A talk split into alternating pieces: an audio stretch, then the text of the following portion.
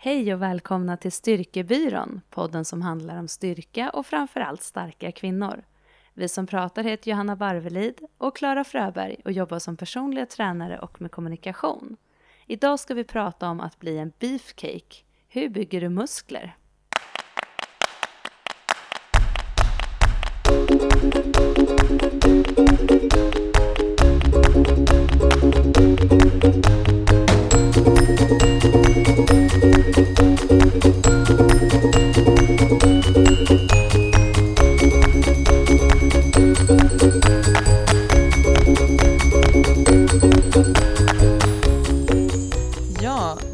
Pratade ju om hälsohets, ett eh, hett ämne i eh, förra avsnittet. Och Johanna, du och jag insåg ju att vi blir så utmattade du och jag när vi pratar väldigt mycket utifrån känslostyrda ämnen och sådär. När vi får liksom eh, freestyla och använda våra andra delar av hjärnan så känner vi oss liksom lite så trötta på oss själva efteråt på ett annat sätt än, än vad vi gör när vi liksom söker upp fakta, punktar ner vad som gäller på ett ämne och sen bara kör.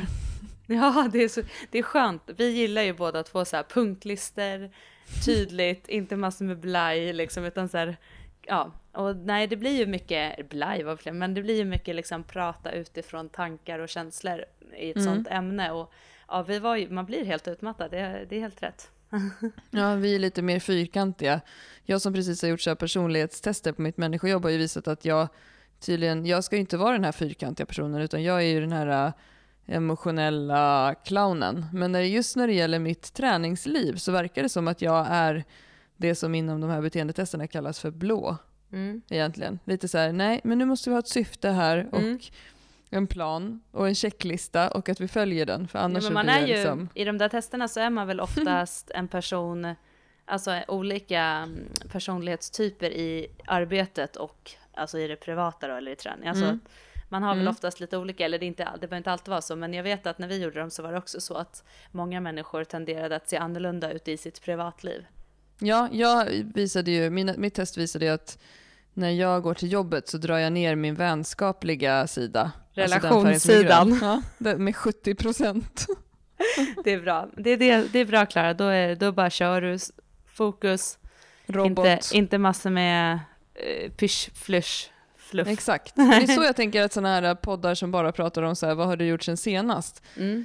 De, alltså, om vi gjorde en sån podd, då skulle vi bli jätteutmattade. Ja, det är bra. Vi håller oss till våra nörderier. Fyrkantiga fakta. Mm. Fem fakta om knäckebröd. Ja. Nej, men, eh, jag tänkte faktiskt att, eh, alltså vi har ju fått väldigt mycket reaktioner på förra avsnittet om hälsohets. Om du inte har lyssnat på det så handlar det om, så pratar vi ganska mycket om det här med normer. Vad är egentligen hälsa? Vad är en hälsosam kropp? Och hur ska vi leva med stressen som det skapar att, att vara på ett visst sätt? Och de flesta kommentarer som vi har fått, vi brukar ju få rätt mycket i sociala medier, folk skriver kommentarer och så här, men på det här avsnittet så har vi fått mycket privata meddelanden gällande det här ämnet. Och det tror jag är för att det här är ett så stigmatiserat ämne. Att många, eh, man känner inte att det man vill göra ett statement i sociala medier genom att prata om det här själv. Men däremot så tycker jag, jag tycker att det är så trevligt att folk ändå bemödar sig att skriva till oss och berätta mm. sina reflektioner. För det är ju så himla ovanligt idag när man helst hellre bara skriver saker till folk som man är missnöjd med, tycker mm. jag. Ja, jag tycker också det är jättespännande eh, det blir också väldigt pepp för oss att faktiskt folk skriver. Ja, och då tänkte jag att jag skulle läsa upp några reaktioner från förra avsnittet. Gör det. Um, här kommer då en som har skrivit till oss. Eh, det finns body positive män, skriver den här tjejen. Så det var ju lite kul, för det tänkte inte vi på alls. Ehm, det skulle jag vilja se, sådana bilder. Och sen så skriver hon att alla tar inte inom citationstecken snygga bilder. En del vill bara visa kroppen för att visa att den inte är fel. Alltså det här vi pratade om att kroppsaktivister tar, tar utmanande bilder på sig själva det, att den inte visas upp för någon annans betraktelse. Det, fin det finns en tanke med att den som är tjock inte är lika mycket värd eh, i vår värld idag. Eh, och samtidigt att oavsett hur du ser ut så är du lika mycket värd och ska behandlas därefter. Och den här tjejen skriver att jag vill liksom kombinera det. Typ att du ska må bra och orka livet, men för att göra det så är man rädd att hamna i ett fack man kan inte vara båda två, eller lite av allt. Och där ser jag ett problem. Det var hennes reflektioner. Mm. Just det att man inte passar in i mm. antingen eller. Eh, sen var det en som bara skrev tack för att ni tar upp det här med hälsa och kroppar på ett nyanserat sätt. Eh, och en till som skrev tack, jag är en av de som känner igen mig. Jag är den som kollegorna tycker är överviktig, men egentligen så tror jag att jag är mer hälsosam än dem. Ja, eh, vi var ju lite oroliga efter avsnittet att vi skulle få en del skit, men eh, det har vi faktiskt inte fått. Nej, det har varit mycket bra kommentarer och mycket just det här med eh, liksom det positiva i att vi pratar om det. Och mm. att vi också är liksom, men lite det här nyanserade, att bara inte, inte försöka så, använda andra ord utan så här rakt på sak vad man tycker och tänker, men också att man har så mycket att ta hänsyn till. Mm. Eh, och eh, det var också, det var faktiskt lite roligt, jag fick av min svägerska, hon skickade en bild Mm. Eh, och så, för jag, jag pratade ju om i, i det avsnittet det här med att komma i form, att uttrycka mm. sig så att liksom i alla mm. bantningskurer, allting så är det ju så här kom i form liksom, och vad är det där mm. kom i form? Och då så skickade hon en bild till mig och skrev så här, men att hon tyckte att, eh, att det var ett jättebra avsnitt och det är så himla viktigt och så här. Och så skrev hon så här, det här är att komma i en form för mig och så skickade en bild med någon som har, som har då kommit i en ungsform. En man alltså. Nej, skojar du? Nej fy fan, alltså den bilden vill inte jag se. Fast det är jätteroligt. Alltså hur först, eller ja okej vi kan prata om det sen. alltså, man ser ju bara att det är något i en form, men det är ändå roligt. Ja, jo. Eh, ja, okay. Och, men det är ändå, det tycker jag, det var så skönt, för det, någonstans är det så här, det här jävla snacket om att komma i form hela tiden. Med mm. det avrundar vi hälsohets eh, återkopplingen tycker jag. Okej, okay, bra. Come shot. Ja. Eh, men det här med, vi, vi har ju sagt att vi ska ägna det här avsnittet och, åt att, eh, hur man faktiskt bygger muskler. Vi ska snacka lite gains. Gains, det är eh, underbart. Och eh, det är dags att eh, vi ska nörda ner oss lite igen i vad vetenskapen säger och prata om det här med muskler. Men alltså, vi tjatar ju en del om det här med att bli en beefcake. Och många kvinnor är ju generellt rädda för att bli en beefcake, Johanna, eller hur? Men alltså varför tjatar vi om det här hela tiden? Varför är det bra med mera muskler? Ja, men eh, alltså varför det är bra är ju för dels om man eh, har mer muskler så kommer det också bli starkare. Eh, och sen är det så att många kvinnor som är nybörjare på att lyfta och vill bli starka, de har liksom ingen grundvolym eller tonus, det vi kallar hållfasthet i kroppen. Mm. Och det, om de lägger på sig lite muskler så kommer det göra att de blir mer motstånds, motståndskraftiga mot skada och mer stabila och att de klarar av att ta i. Och att, mm. att eh, de på så sätt kan skapa en starkare kropp. Så det är liksom lite grundpelarna för en person som faktiskt vill träna och bli starkare. Ja, och det är ju något som vi ofta säger när vi jobbar i vår PT-studio. Så här, ja, men, du behöver bara lägga på dig lite muskelmassa så kommer det här lösa sig. För att eh, det, det, handlar ju dels som du sa Johanna, det är jätteviktigt att man också lär sig att ta i. Men också många som kommer till oss vill ju faktiskt bli starka men de har inte kroppar som är redo för att ta tag i en tung skivstång. Kroppen är liksom inte förberedd för eh, den typen av tunga lyft. Och man, man kanske till och med är lite eh, vi brukar ju, det är ju ett skämtuttryck i vårt gäng att säga att någon är konkav. Det är ju kanske taskigt. Eh, men det är alltså personer som är liksom snarare insjunkna än utbulliga. Alltså att man har så lite volym som håller upp kroppen. Ja, men och det är ju också det här med att många kvinnor som vi träffar är ju nästan åt det, vad ska man säga, överrörliga hållet. Mm. Och där kan också muskelmassa hjälpa till att packa in och få en stabilitet som jag sa tidigare. Att just det här att mm att liksom lite muskler behöver man på kroppen. Och klart, alla har ju muskler, för skulle du inte ha muskler så skulle du inte kunna ta dig runt. Men mm. just att man kan behöva lite till. För att mm. också klara av att, som du sa, ta i. Alltså att skapa mm. en anspänning. Liksom. Eh, har man inte liksom den muskel, dels muskelmassan men också muskelkontrollen, mm. så är det ju svårt att liksom också aktivera en muskel och då blir det också svårt att träna den. När du inte mm. vet hur varken muskeln ska aktiveras eller hur du ska skapa en rörelse. Ja, och sen också så kan det ju vara så att i början av eh, ens lyftarkarriär så är det ju, det är ju tekniskt svårt att utföra basövningar tungt. Och att då sänka vikten lite och jobba med lite fler repetitioner kommer ju också förbereda kroppen på att lyfta samtidigt som du både blir starkare och får muskler. Så det, det finns ju liksom bara positiva saker som är inblandade i det. Men det kan vi inte, vi måste ju återigen, vi kan inte tjata nog om det här Johanna, men det här med att man inte vill bygga stora muskler. Hur funkar det?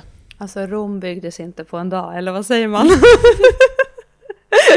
det är liksom ja. sanningen. Alltså, det är, för det första så är det genetiskt, alla kan inte bygga stora bulliga muskler. Alltså vi, vi ser olika ut genetiskt sett i våra liksom, hur långa vi är och liksom hur långa... Men vi kan ju bli bitigare. Vi kan bli bitigare, men det är inte så att man kan lägga på sig hur mycket som helst på kort tid. Alltså det, det tar tid att bygga muskler. Mm. Eh, och eh, jag menar, om man tittar på från, din, från dig, jag, jag, jag, alltså jag har ju alltid haft muskler. nej, men, nej, det var inte så jag skulle säga, men jag menar, alltså jag har ju alltid tränat, vilket gör mm. att, alltså för mig så fort att jag kommer igång och tränar lite så går det lite fortare för mig kanske än vad det gör för en person som inte har tränat alls. Men så om man det... då backar bandet där och får jag avbryta det här med genetiskt då, hur ser det ut i din närmsta familj? De, går de också omkring och är så här vilande muskelknippen eller? Eh, det är spännande. Men jag tror min pappa är nog så. Alltså han är, mm. han är, liksom, han är ju sta extremt stark, men sen så har ju han kanske några, alltså han är lite större nu, så han har några kilo extra. Men han är ju en muskel, ja, jag kan tänka mig att mm. han är liksom muskulös. Så. Mm. Eh, men eh, så jag, jo, jag har nog ganska lätt för att liksom bygga muskler och har, mm. liksom får lätt väldigt synliga muskler. Men men som sagt, sen har jag också tränat i princip hela mitt liv, alltså olika mm. saker. Mm. Eh, och varierat och ganska mycket. Så att, och också varit på en ganska hög nivå i väldigt många av mina idrotter. Mm. Eh, och det är klart att det har ju lagt en grund, så att när jag tränar så finns det ju ett muskelminne och en, mm. liksom, det, så det är klart att sånt påverkar ju också. Mm. Eh, men om man tittar på din utveckling, Klara, bara sen mm. liksom, vi lärde känna varandra. Vi pratade ju om det mm. här innan, det här med att mm. göra chins. Liksom. Nu jobbar du med ett, ett program där du jobbar excentriskt och jobbar jätte, liksom, jättetung mm. del i hur man kan göra chins, liksom vidrigt tunga. Um, att liksom, för bara några år sedan när vi gick eh, utbildningen så gjorde du inga chins. Eh, och om man tittar på din muskelutveckling under de här åren så är du verkligen det har ju mm. verkligen gått rakt upp. Men du har ju du också fokuserat på att bli starkare och beefigare. Ja, vi pratade om eh, det här med excentrisk träning och du pratade om att göra så här paus-chins med mm. att man gör halva, alltså partiella och så pausar man i fem sekunder i varje del av läget. Mm. Eh, jag gjorde förra veckan hänga tio sekunder, göra en, hänga tio sekunder, göra en, hänga tio sekunder, göra en i en minut. Och jag hade kunnat göra fler, eller chinsen blev lite svårare, men hänget var lätt. Och som, som du säger nu, när var det vi gick vår PT-utbildning? Det är, det, det är ja, drygt två år sedan. Nej, tre år sedan. Lite va? mer. Jaha, okej. Okay. Ja, då kunde jag ju som sagt inte göra en enda. Så när du höll på och mixade med det där då så höll jag på... Jag kunde göra en halv tror jag med handflatorna emot mig. Mm. eh, då var jag liksom på. Du vet, och sparkla, krafsade med benen. ja. eh, och det är ju sån skillnad. Och det är ju framförallt efter den intensiva perioden av bänkande som vi gjorde för över ett år sedan. Som, där jag kände att det hände någonting. Jag fick helt enkelt fler eh, aktiverade muskelfibrer som kunde hjälpa till. Så det ska vi ju snacka om idag. Mm, men som du. sagt, vill man bli starkare så bygg lite volym.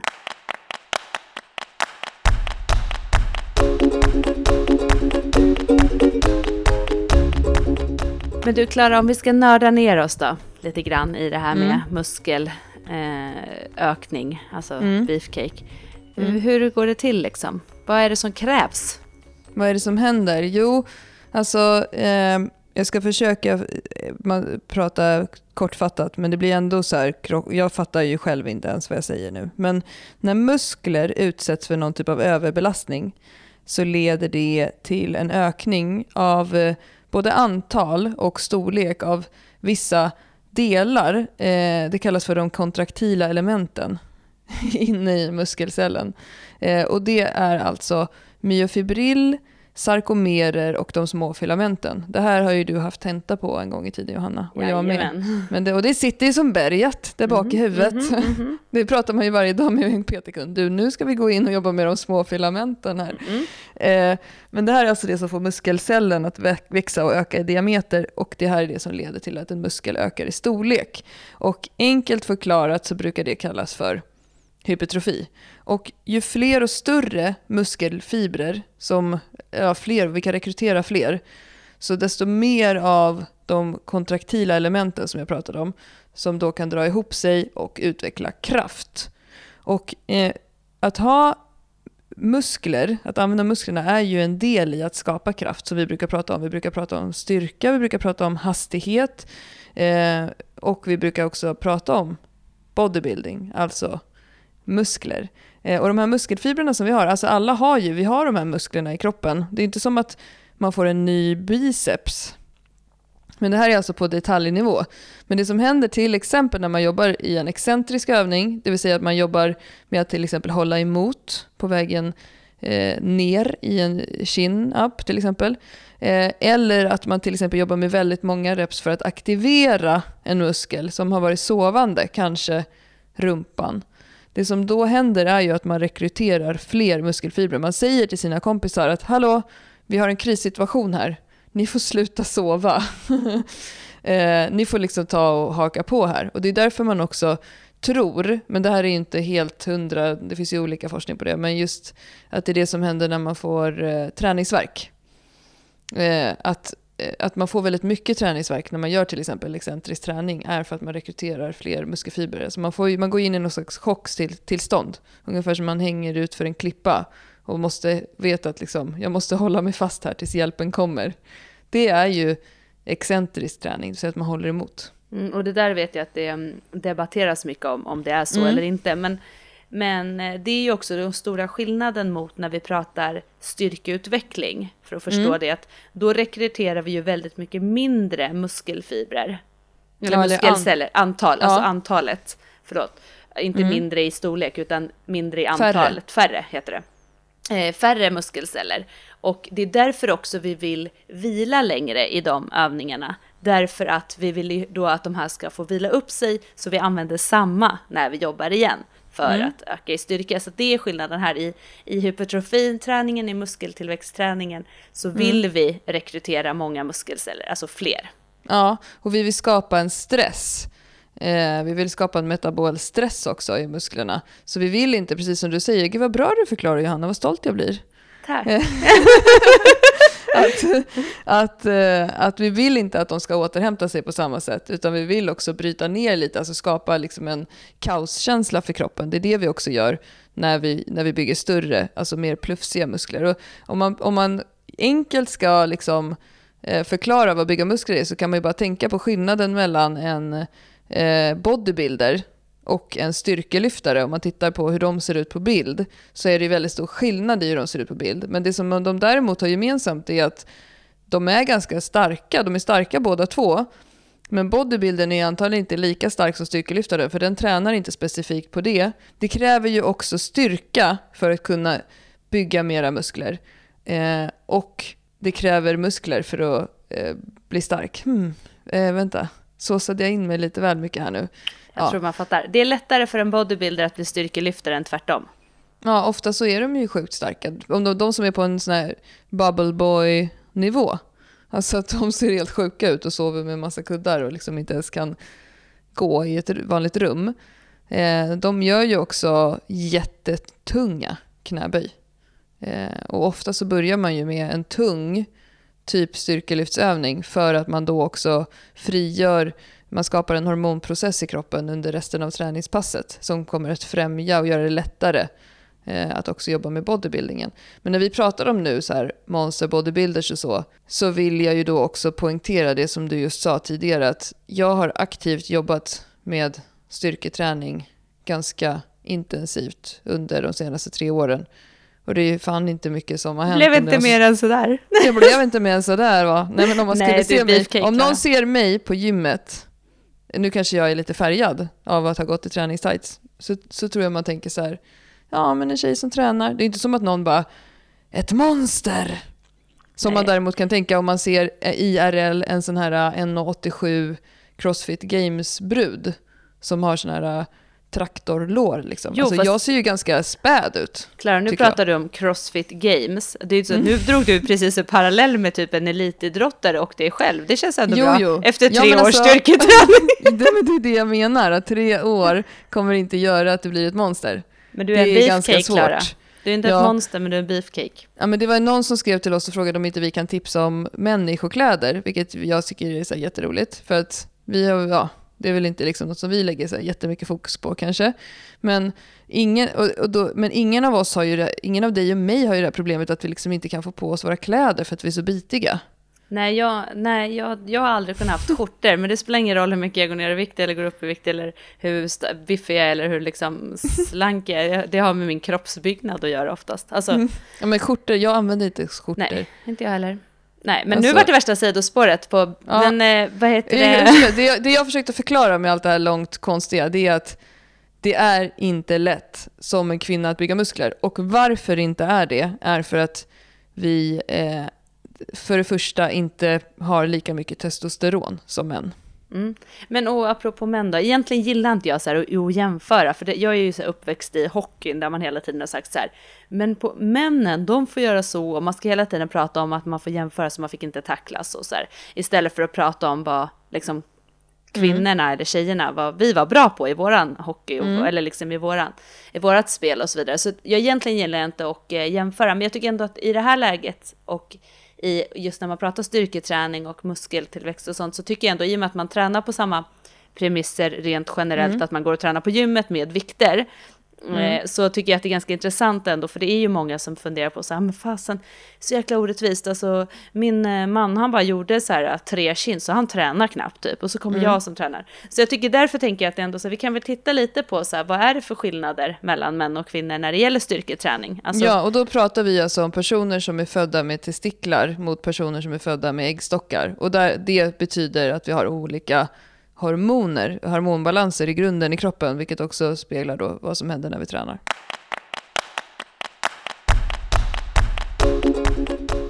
Den största skillnaden är ju att män har mer muskelmassa än kvinnor. När vi tittade på det nu inför avsnittet så är faktiskt, jag visste inte ens att det var så mycket, men det skiljer alltså ungefär 20 kilo fettfri massa. Fettfri massa är ju inte bara gains, men ändå till mäns fördel. Um, och det här beror ju då främst på att män har mer testosteron.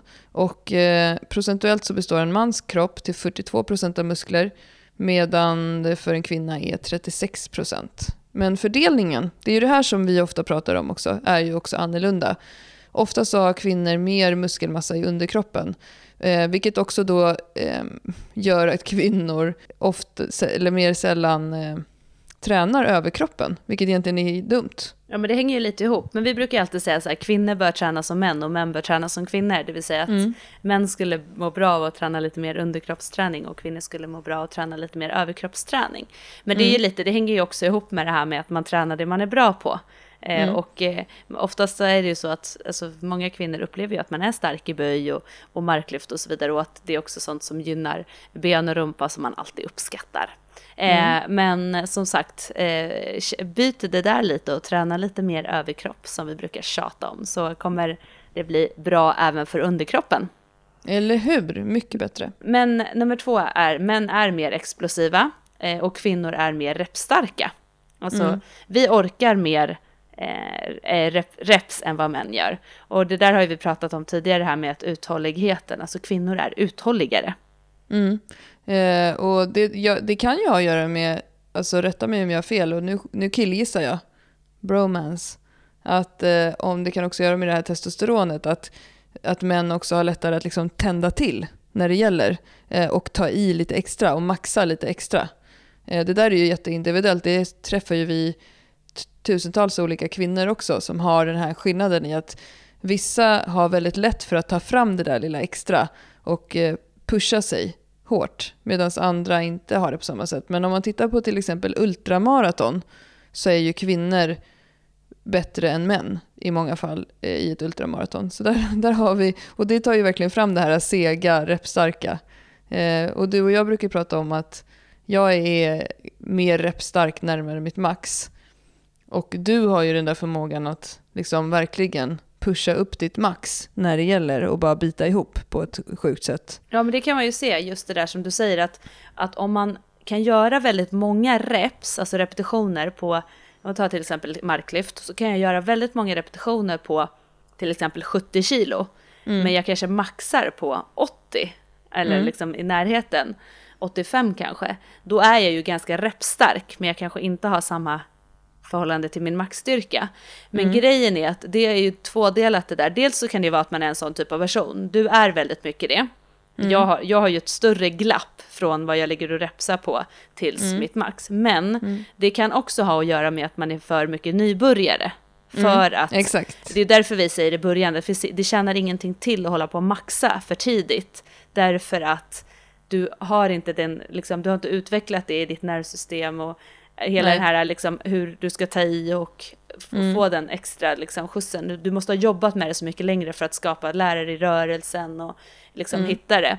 Så mm. Eh, det finns ju två liksom variabler där. Men, Precis. Men man, och det här är ju generellt, det är klart som du säger, vissa kvinnor har är, har jättemycket mer liksom, maxstyrka och, och är starka och inte alls lika uthålliga. Men det mm. generella säger ju att kvinnor är max, eh, eller vad säger jag, det generella säger att kvinnor är repsstarkare. Nummer tre då. Kvinnor ökar främst i styrka medan mäns styrkeövningar nästan alltid följs av motsvarande ökningar i muskelmassa. Mm. Och det här beror ju troligtvis på lägre testosteronnivåer. Alltså att kvinnor, eh, alltså när män lyfter tungt så får de också större muskler lättare. Medan kvinnor som lyfter tungt och det där brukar jag, vi också säga till tjejer, att kolla på de här starkaste brudarna i liksom 63 kilosklassen. När de gick förbi dig på gymmet skulle du aldrig tänka så här, där är en världsmästare i styrkelyft. De ser inte ut, vad det jag försökte säga förut när jag jämförde mig själv med en crossfit-atlet, alltså de ser inte ut som något supermonster.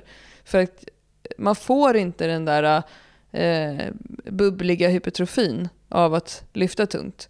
Däremot så brukar trän kvinnor som tränar hårt bli väldigt starka i relation till sin kroppsvikt. Men vi har svårare att bygga muskler.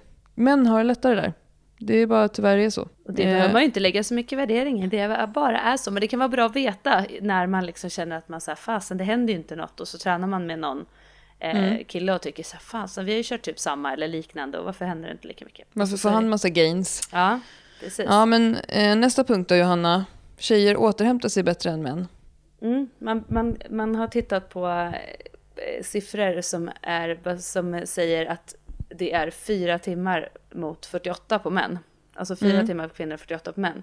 Och därför kan också tjejer träna hårdare. Ja, och oftare. Mm. Och det kan ju faktiskt gynna någon som vill satsa på lite bodybuilding. För här vill vi ju, eh, och det kommer vi prata om sen, jobba med en större intensitet över hela veckan. Eh, alltså det här känns lite, jag blir lite så här, ja, alltså kanske det har större individuella skillnader än vad det har över könen. Jag vet inte, men det är ju skönt om det är så att inte vi blir lika slitna som män. Ja, men som sagt, det där är ju, jag tror också att det är baserat väldigt mycket på mängd och ja, alltså mm. det är svårt att säga, men, det, men det, det finns ändå forskning som säger så. Mm. Men och nummer fem då, kvinnors kroppar behöver mer skydd efter klimakteriet. Styrketräningen skyddar skelett och håller igång hormonerna. Mm. och det har vi pratat om när, i vårt hormonprogram. Mm. Att eh, för oss är det ju så att när vi har kommit till klimakteriet så är det ju rätt mycket över med hormonproduktionen i kroppen. Och styrketräning kan vara ett sätt att hålla igång den längre. Medan män alltid eh, fortsätter att producera testosteron.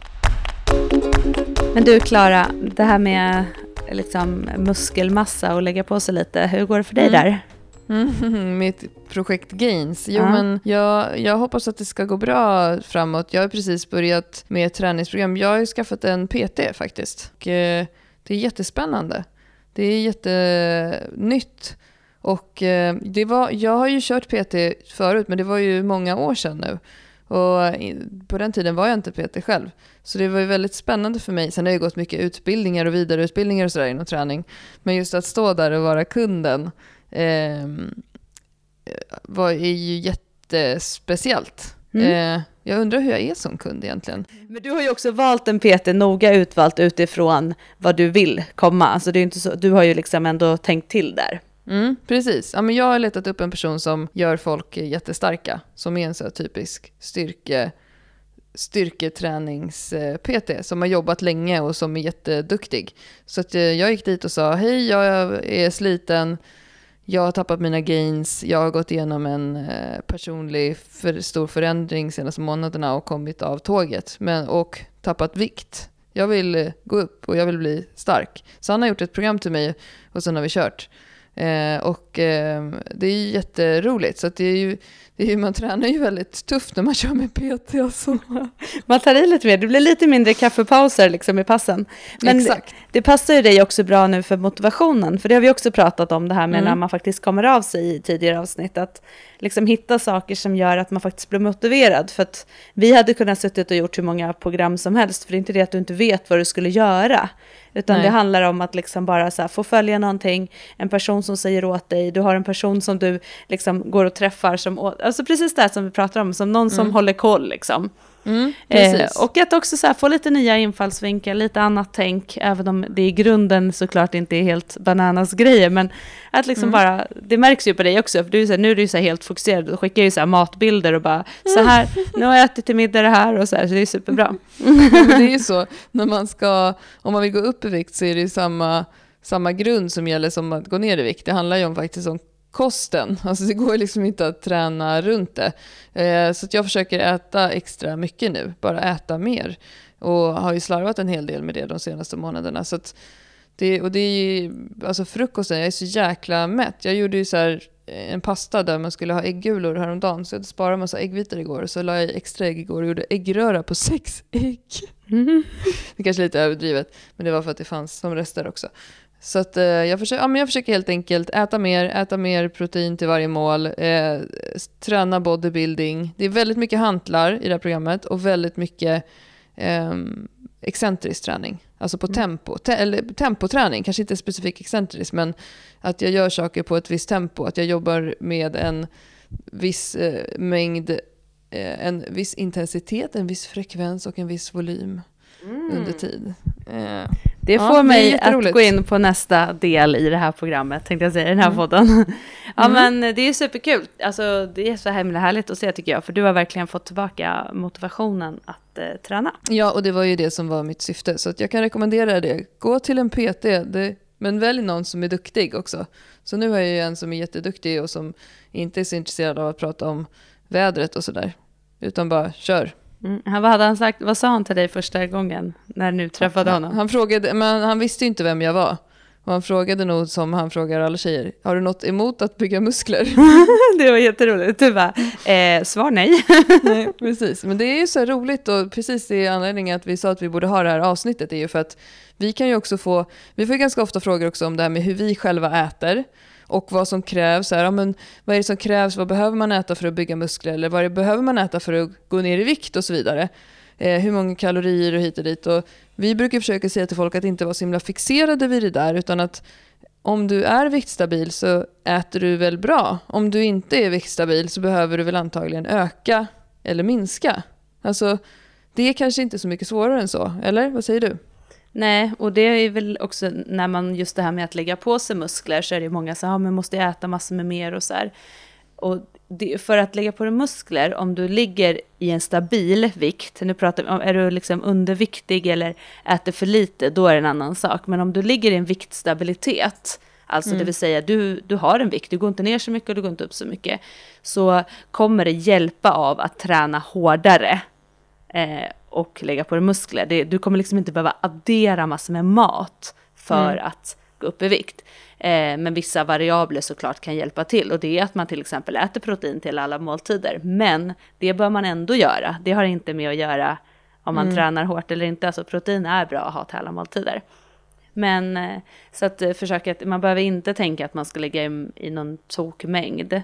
Och ska, men däremot ska man tänka på att ska man bygga, för det, det som, som vi får många frågor om, tänkte jag säga, eller många som vill, det är att säga mm. så här, jag vill bli lite mer tonad, eller jag vill få lite mer synliga muskler. Och så jag tänker man, och samtidigt ja, och då tänker man att man ska liksom, om man tänker sådana som tävlar i så här eh, body fitness och sådär, alltså mm. sådär bikini sporter, eh, sporter eh, så är det ju så faktiskt om man tittar på dem när de är off-season så tränar ju de och äter stenhårt. Sen deffar de för att få de här extrema kropparna.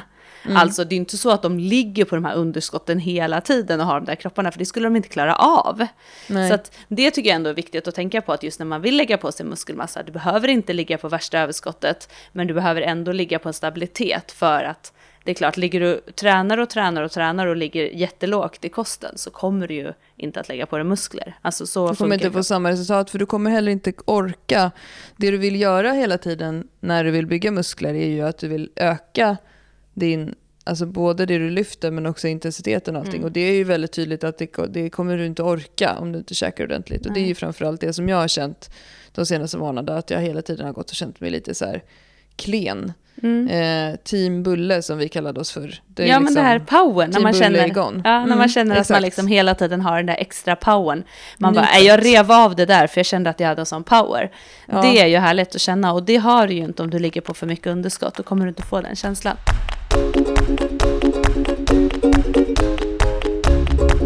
Men nu, nu sa ju du det där lite Klara, jag tänker att det får oss att gå vidare lite grann. Vad är det eh, som krävs? Ja, vad är det som krävs för att få de här svällande musklerna då? Eh, som kommer över en natt, eller inte. Det man behöver är ju alltså ett, intensitet. Alltså vi måste öka våra, vår belastning i träningen hela tiden. För mm. att få en ökad muskelmassa. Mm. För att få det här som vi pratade om, den liksom, mekaniska stressen på muskeln och den metabola stressen på muskeln. Som kommer att skapa den här processen som gör att vi bygger muskler.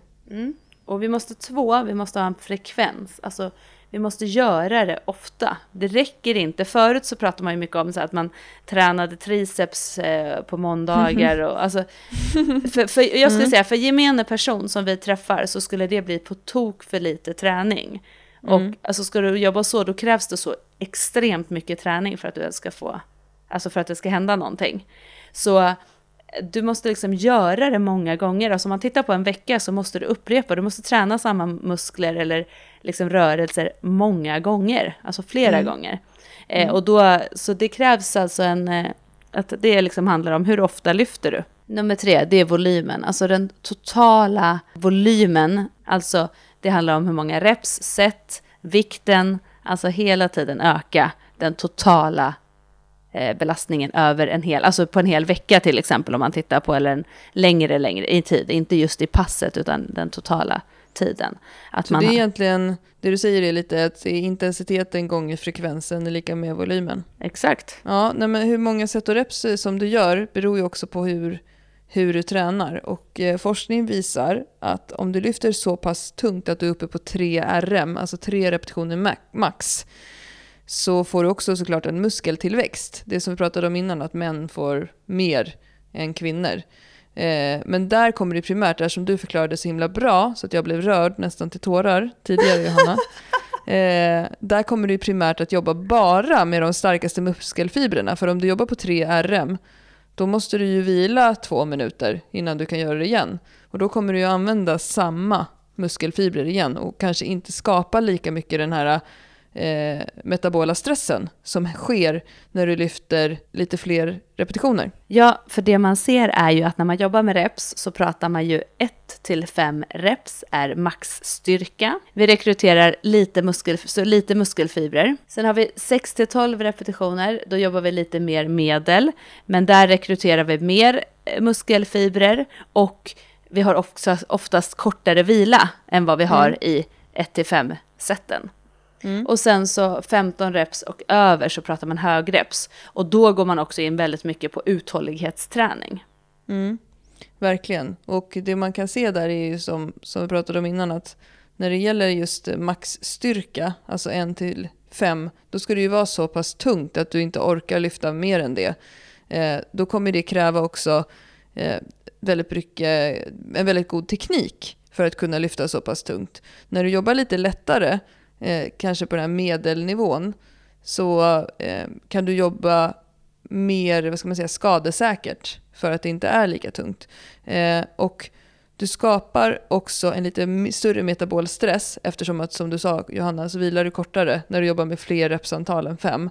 Som ju också är väldigt viktigt för att bygga muskler. Och det verkar ju lite som att medelvägen är, är det bästa här. Ja, för det man pratade om förut så pratade man ju om att när man pratade bodybuilding och lägga på sig muskler att man skulle jobba till failure, alltså till man liksom tog slut helt och hållet. Mm. Men det kan man se idag att det, det finns forskning som visar att det inte alls behöver vara effektivare än att jobba just medelvägen. Att man alltså faktiskt kan ligga på åtta repetitioner och kanske mm. att man jobbar en fyra, fem set med det. Mm, precis, och det finns ju också en ökad skaderisk med att köra till failure. För folk börjar slarva med tekniken om man säger att man bara ska eh, pumpa slut. Och man kanske jobbar med liksom en, en ganska svår, eh, tekniskt, öv, tekniskt svår övning.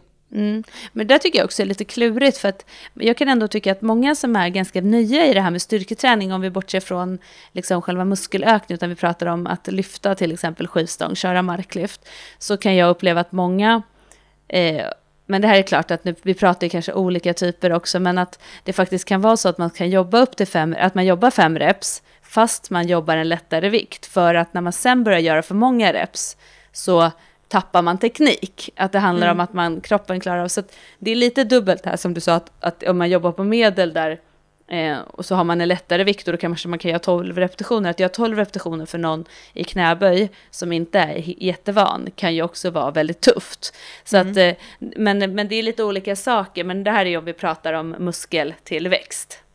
Precis, att bli stor. Eh, jag känner mig i alla fall väldigt motiverad av det programmet som jag har nu, för där är det åttor och sexor i princip. Och jag är ju van att liksom, mitt så här lazy-pass och gå till gymmet, du vet, du vet precis vad jag menar Johanna, när vi inte har någon inspiration eller bara går till träningen för att träningen behöver bli av. Då gör jag typ femmer och treor och sen går jag hem. Så att eh, för mig är det ju utmanande att göra åttor och sexor, men det är inte lika jobbigt, för jag kan ju tycka att det är horribelt att göra tolver mentalt. Mm, det tycker jag också. Det är så himla många. Men det gör man oftast, eller vi gör oftast inte det, för vi har inte gjort det hittills i de här stora övningarna som det är tuffa. Det är alltså en, men gör man till skivstångsrodd till exempel kan du jobba 12 i, för där är ju, det är en mm. så typiskt bra övning för att jobba lite eh, muskelfiberrekryterande så att säga. Mm. Eh, och det är ju Alltså det är helt hemskt. Alltså att bara skilja, bara 9-10 reps mot 12 är ju en stor skillnad. När man mm. verkligen ligger på då den, de vikterna så att det blir tufft. Inte att det mm. liksom man gör 12 och sen så känner man så här, det här var ju typ piece of cake, då har man lite för lätt. Men när man jobbar så pass tungt. Men du, det finns ju några andra faktorer som också spelar in utan att behöva höja vikter. Precis, vi är alltid väldigt fixerade vid att vi hela tiden ska bli starkare, starkare, starkare. Men några saker som kan vara bra om man vill få gains, det är att jobba med olika tempo i övningar. Eh, att, att, att jobba med eh, andra rörelser. Till exempel att man håller emot i ena riktningen. Att man till exempel jobbar excentriskt i en rörelse. Eh, eller att man försöker göra det i ett större rörelseomfång. Vi får ju ofta frågan, men hur djupa knäböj borde man göra? Och då svarar vi alltid att det beror på ditt syfte. Men, eh, och där visar ju all forskning att om du jobbar i en djup knäböj så får du en större muskelfiberrekrytering, alltså större, mer bodybuilding-effekt än om du gör en, en liten böj, en kvartsböj. Därför att, och det handlar ju också om det här med att du får jobba under en längre tid. Det blir ju en större rörelse när du går upp och ner i en djupböj.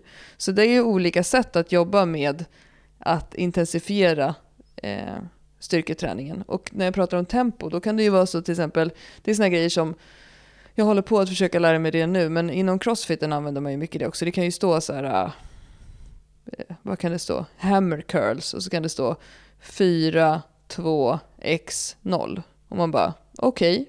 Okay. Eh, men det, och det handlar om att du jobbar du ner på fyra, håller två sekunder, jobbar explosivt upp och pausar ingenting innan nästa övning. Ser du, nu har jag lärt mig. Uh. Så du kan jobba med olika tempon också i en övning och det handlar ju också om att du får en annan kontakt med musklerna då. Eh, men framförallt det här som vi har pratat om i lite tidigare avsnitt, tension over time, att du, du jobbar under en längre tid med en rörelse. Men då, då kan du inte ta lika tungt, för det blir ju mycket, mycket jobbigare än att riva av alla vikter, eh, alla reps på en gång. Mm. Grymmers. Shit, alltså, alltid när man sitter och pratar så blir man så jäkla sugen på att träna. nu är jag ja. pepp på att köra lite bodybuilding. Det står på mitt mm. schema också. Burns, burns, burns. Mm. Ja. Men om man nu ska klargöra det här Johanna, för de som lyssnar och bara okej, okay, jag hör vad de säger, jag måste kanske fokusera på att bygga lite volym. Eh, alltså hur kan man lägga upp ett pass då? Ja, utgår vi då ifrån att man eh, idag eh, kör lite man lyfter lite liksom, skivstänger och så här, fikar lite och sådär. Alltså eller att man kör lite cirklar, men man tycker inte att det händer så mycket på muskeltillväxten så att säga. Jag tycker ju att det är bra för många människor att man får göra några, precis som du pratade om i början Klara, det här med att man gör några tunga lyft. Alltså mm. att man har kanske knäböj eller eh, marklyft eller en stor övning, så man gör några tunga lyft i början. Eh, men att man sen går på och kör exempelvis superset, triset, alltså mm. Och superset är alltså att man sätter ihop två övningar, gör dem utan någon direkt vila emellan övningarna och så vilar man lite och så kör man igen. Och så gör man mm. kanske fyra varv. Eh, triset är att man har tre övningar som man sätter ihop och så vilar man inte emellan övningarna och så kör man. Eh, men och för det man vill komma åt då, det är att man dels vill få lite tempo i det, så att det inte blir att man går och gör några marklyft och sen så kör man någon skivstångsrodd och så kör man lite man gör någon liten hantellyft eller någonting och sen går man hem. Utan att mm. man verkligen så här, de här trisetet fyra varv, det ska liksom vara tempo, du har dina kanske 50 sekunders vila innan du kör nästa varv. Mm. Och sen så ska det liksom vara så pass tufft att du känner att du får, liksom, du ska inte känna när du är klar så här, jag hade kunnat gjort fyra varv till, utan det får gärna vara liksom ganska tungt. Skakiga armar Ja, skakiga armar lite så. För att då får du, för många skulle jag säga räcker det. Därför att då får du den här ökningen av intensitet, belastningen. Så att mm. liksom, om man tänker att man inte tycker att det händer något, det, det är faktiskt det största eh, felet som jag skulle säga på många som jag träffar är ju att när de tar fram vikterna som de vill köra till exempel en hantelrodd med, då är det ju mm. så här, men vänta nu här, nu har du kört 12 repetitioner och du har stått och pratat samtidigt. Det är ju, mm. Då har man alldeles för lätt. Så jag tror att generella felet är att många tjejer som vi träffar, de tar lite för lätta vikter. Man tar inte ut sig på det sättet. Man tar inte i ordentligt. Nej. Ja men eh, det är det som händer när, när många som tränar med en PT som tränar med oss, eller som händer mig nu när jag tränar med PT, att varje gång jag ska ta, får en ny hantel så tänker jag bara nej. Alltså hur ska jag orka lyfta den här? Men man gör ju det. Och det är så man måste tänka mer i sin egen träning. Man blir ju lite bekväm i sin egna träning. Alltså det är ju jättelätt att, att, att ha liksom, så här, men den här vikten är skön. Man vet att ja, det känns efteråt. Det är inte så att det inte känns. Men att man liksom utmanar. Och, och det där är ju, jag skulle, det är ju lite en balansgång såklart. För på de Eh, de här tyngre övningarna så säger vi att nej, pausa lite där. Hellre att du kör en gång extra med den lättare vikten än att du bara öser på för att det kommer göra att du kanske tappar teknik och skadar dig eller att du inte får samma utveckling. Men när det gäller de här övningarna så är det kanske en övningar som har en lägre svårighetsgrad eh, kräver lite mindre liksom i det tekniska, alltså alla övningar kräver teknik och aktivering, men det är, det är inte samma liksom skadetekniskt sett. Och då kan det oftast bränna på lite mer. Eh, så att liksom inte vara rädda för att välja eh, lite lättare inom situationstecken övningar så att du kan ösa på lite och tänka att du tar lite tyngre än vad du tror.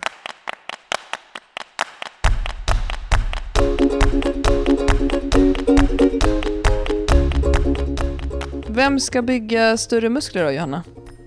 Den som vill bli stark.